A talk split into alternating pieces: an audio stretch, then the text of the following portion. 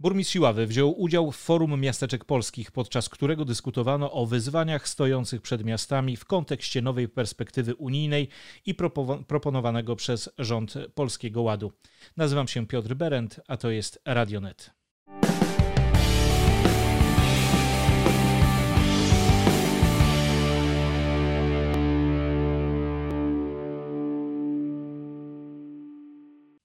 Dziś moim gościem jest burmistrz Iławy Dawid Kopaczewski. Dzień dobry panu.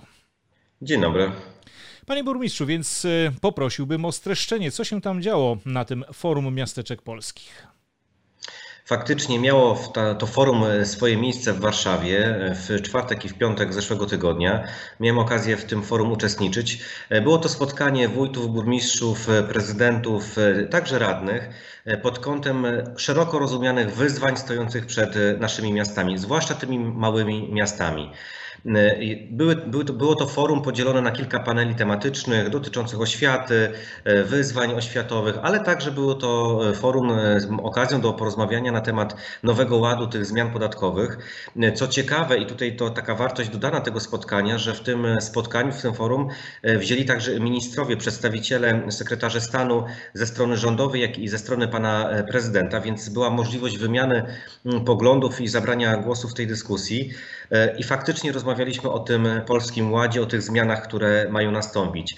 Wszyscy są do tego przekonani, bo nawet strona rządowa to sygnalizuje, że to będzie także ubytek dla dochodów samorządowych. Ja bym nie chciał na tym etapie może wchodzić w takie szczegóły, bo e, nie chciałbym zanudzić słuchaczy Radionetu na ten temat, bo to już jest taka dyskusja typowo urzędnicza, typowo akademicka, ale ważne dla naszych miast jest to, miast i miasteczek, że faktycznie w roku kolejnym i najprawdopodobniej w latach e, kolejnych będą te wpływy podatkowe mniejsze. A to oznacza, że my jako e, samorządowcy będziemy mogli zrobić mniej inwestycji, mniej e, przeznaczyć środków na sprzątanie miasta, na sport, na kulturę i tak dalej, i tak dalej. Czyli to będzie dotykało nas wszystkich w naszych miastach. I to jest niepokojące. I z jednej strony rząd już zapowiedział, że w tym roku nawet e, rozdysponuje 8 miliardów złotych na samorządy jako taką, e, taką subwencję wyrównającą straty z przyszłego roku, czyli już sam sygnalizuje, że tak faktycznie te straty będą, ale z naszych obliczeń, z obliczeń Związku Miast Polskich wynika, że to będzie jakby tylko część tego całego ubytku.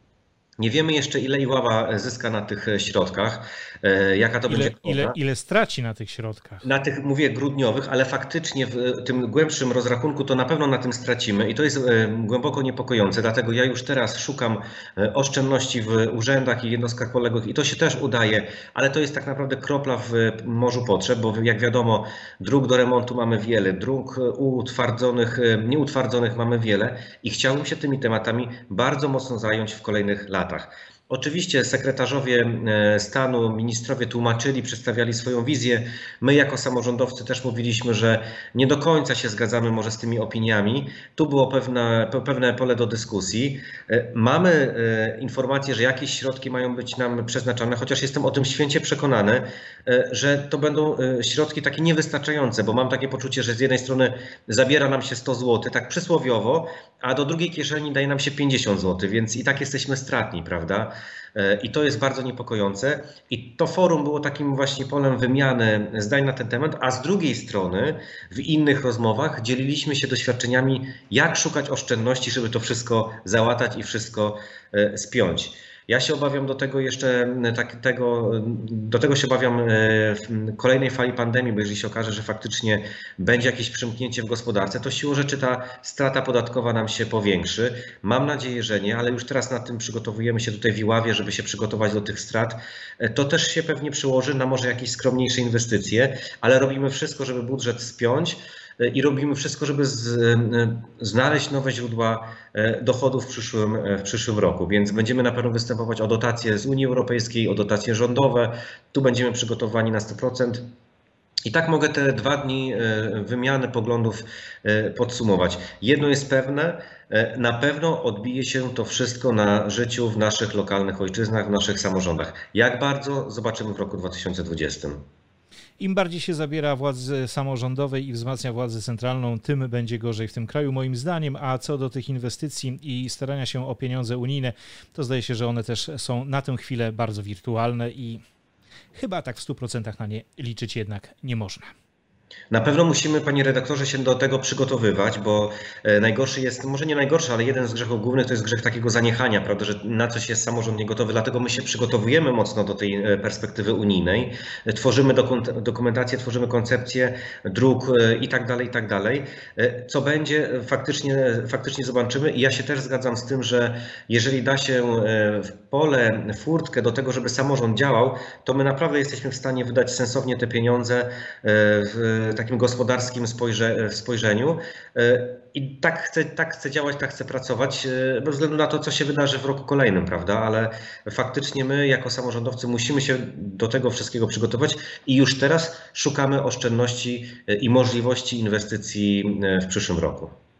E, jeszcze pewnie do tego tematu nieraz wrócimy, bo to e, będzie wdzięczny temat do dyskusji nieraz. E, przejdźmy może troszeczkę teraz do lokalnych inwestycji, które już trwają. Chodzi mi o trzeci etap prac przy budowie ścieżek rowerowych. To, jest, to są te prace wykonywane za Wyspą Młyńską w stronę osiedla. Chodzi o ulicę Sosnową i Świerkową. Proszę powiedzieć, czy inwestycja zostanie oddana w terminie?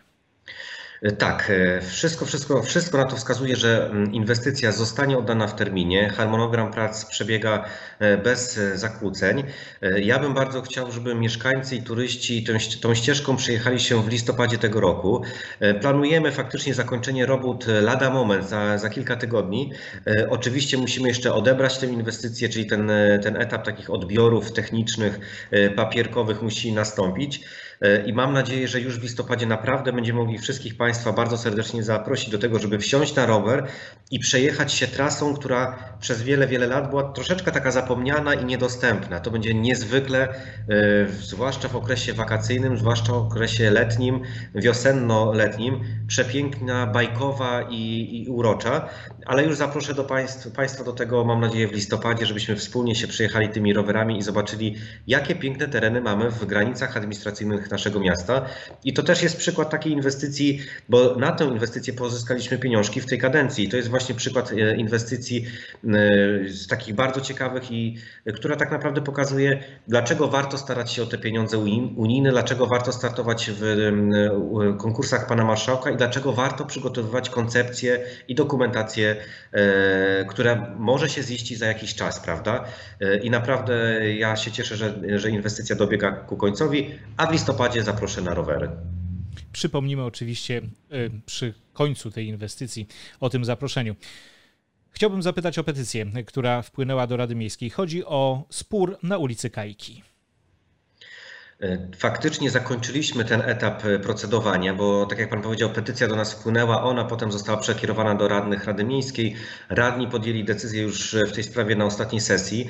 Ja mogę tak szybciutko, króciutko streścić, co się wydarzyło pomiędzy tymi dwoma etapami. Faktycznie mieszkańcy tej petycji poprosili o to, żeby burmistrz zaangażował się w tym temacie i faktycznie takie moje stawiennictwo w tym temacie było i udało się osiągnąć taki kompromis połowiczny, bo z jednej strony udało się osiągnąć to, co mieszkańcy chcieli, żeby inwestor zrezygnował z dodatkowego metra tej inwestycji, bo wnosił do nas o to, do radnych Rady Miejskiej, żeby e, z 10 metrów podnieść mu inwestycję na 11. Ja tutaj przypomnijmy, powiem... przypomnijmy może o to, że chodzi o budowę hotelu. Tak, przy ulicy Kajki. Chodzi o budowę hotelu i teraz o ten metr chodziło o wysokość tego, tego, tego budynku. Inwestor chciał zwiększyć tę wysokość o jeden metr. Miał taką możliwość, jeżeli radni by się na to zgodzili w planie miejscowym. Procedura ruszyła.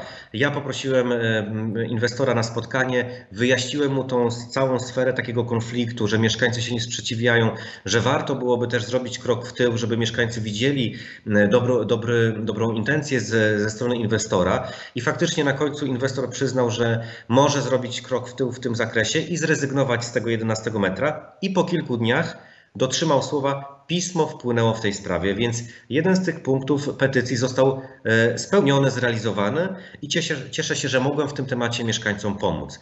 Drugi, e, druga, drugi postulat dotyczył tego, żeby e, ten teren, który ma być zagospodarowany, został tym terenem zielonym, nie zagospodarowanym. Tutaj też wprost zapytałem za pośrednictwem mojego, mojego zastępcy, czy inwestor jest zainteresowany sprzedażą tej działki, czy odsprzedażą może bardziej, oraz zamianą, na przykład z miastem na inny teren. Od razu inwestor stwierdził, że nie, że nie interesują go rozmowy w tym zakresie. Jest on zdeterminowany w 100% przeprowadzić tę inwestycję. Co więcej, kilka czy kilkanaście, kilkanaście dni po tej rozmowie wpłynęło drugie pismo, które w sposób jasny i klarowny e, informowało nas o tym, że takie rozmowy nie będą ze strony inwestora prowadzone i on nie jest zainteresowany oddaniem tej nieruchomości. I tutaj w tym zakresie niestety nie mogliśmy pomóc naszym mieszkańcom, chociaż zrobiliśmy wszystko jako samorząd, jako radni, jako burmistrz, co mogliśmy dla mieszkańców zrobić w tym temacie. Więc petycja w jednej części w, w zakresie tego 11 metra została spełniona, a w zakresie wstrzymania inwestycji niestety inwestor ma pełne prawo realizować tę inwestycję. My o to poprosiliśmy, została propozycja odrzucona i e, w tym temacie temat e, no, zakończył się tak naprawdę. Dobrze, panie burmistrzu, na koniec. Również bardzo nieprzyjemna sprawa. Ostatnio pojawiły się wezwania do zapłaty mandatów za nieprawidłowe parkowanie. Okazało się, że jest to, no, delikatnie mówiąc, nieporozumienie, a troszeczkę dosadniej oszustwo.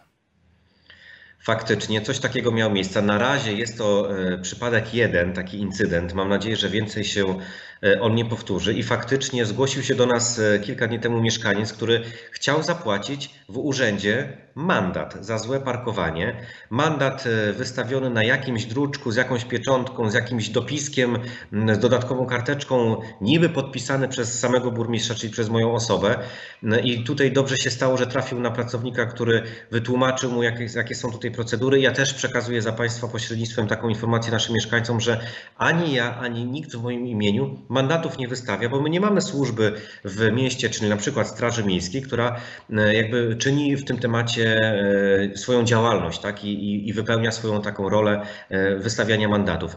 Jedynym organem w tym zakresie, w zakresie złego parkowania jest policja i tylko ona może wystawiać mandaty, ona ma swoje druczki, swoje procedury i tego, i tego trzeba pilnować i uspokajam tutaj wszystkich mieszkańców, bądźcie z jednej strony czujni i patrzcie, kto do, was, kto do Was pisze, na jakich druczkach, dopytujcie, zanim wpłacicie jakiekolwiek pieniądze i mam nadzieję faktycznie, że ten incydent był jednorazowy i więcej się nie powtórzy, bo tak tego typu spraw nie powinniśmy e, załatwiać. Jeżeli ktokolwiek z Państwa widzi źle zaparkowany samochód, utrudniający przejazd, przy przechodzenie, proszę dzwonić na policję. To jest służba jedyna w mieście, która może zajmować się tymi e, tematami. A ja zapraszam mieszkańców na rozmowę w innych tematach, a nie w tematach właśnie tego, że wystawiam jakieś e, druczki e, mandatowe, które miałyby, miałbym ja podpisywać. Tymi tematami nasze miasto się nie zajmuje. Skoro pan już zaprasza, to proszę powiedzieć kiedy. Zapraszam wszystkich mieszkańców w poniedziałki. Faktycznie można się spotkać e, z burmistrzem, czy z moimi zastępcami, czy z innymi pracownikami, ale e, ja mam taki dzień wyznaczony w poniedziałki od godziny 12 do godziny 16. Jest przewidziane około pół godziny na rozmowę e, w tym dniu. Jeżeli jest sprawa pilna, czy, czy mieszkaniec nie może w danym terminie, w dany poniedziałek, to mogę też oczywiście mieszkańca przy, mm, z mieszkańcem spotkać się w innym terminie, ale generalnie zapraszam w poniedziałki, w każdy poniedziałek od 12 do godziny, do godziny 16. Dziękuję panu bardzo za tę rozmowę. Dziękuję, do usłyszenia. A Państwu przypomnę, że moim gościem dzisiaj był burmistrz Iławy Dawid Kopaczewski. Przypomnę również Państwu, że rozmowę tę znajdziecie na stronie internetowej Radionet Info, na Facebooku, YouTube oraz w formie podcastów w serwisach Spotify, iTunes i SoundCloud. Dbajmy o siebie i o innych. Szczepmy się. Do usłyszenia.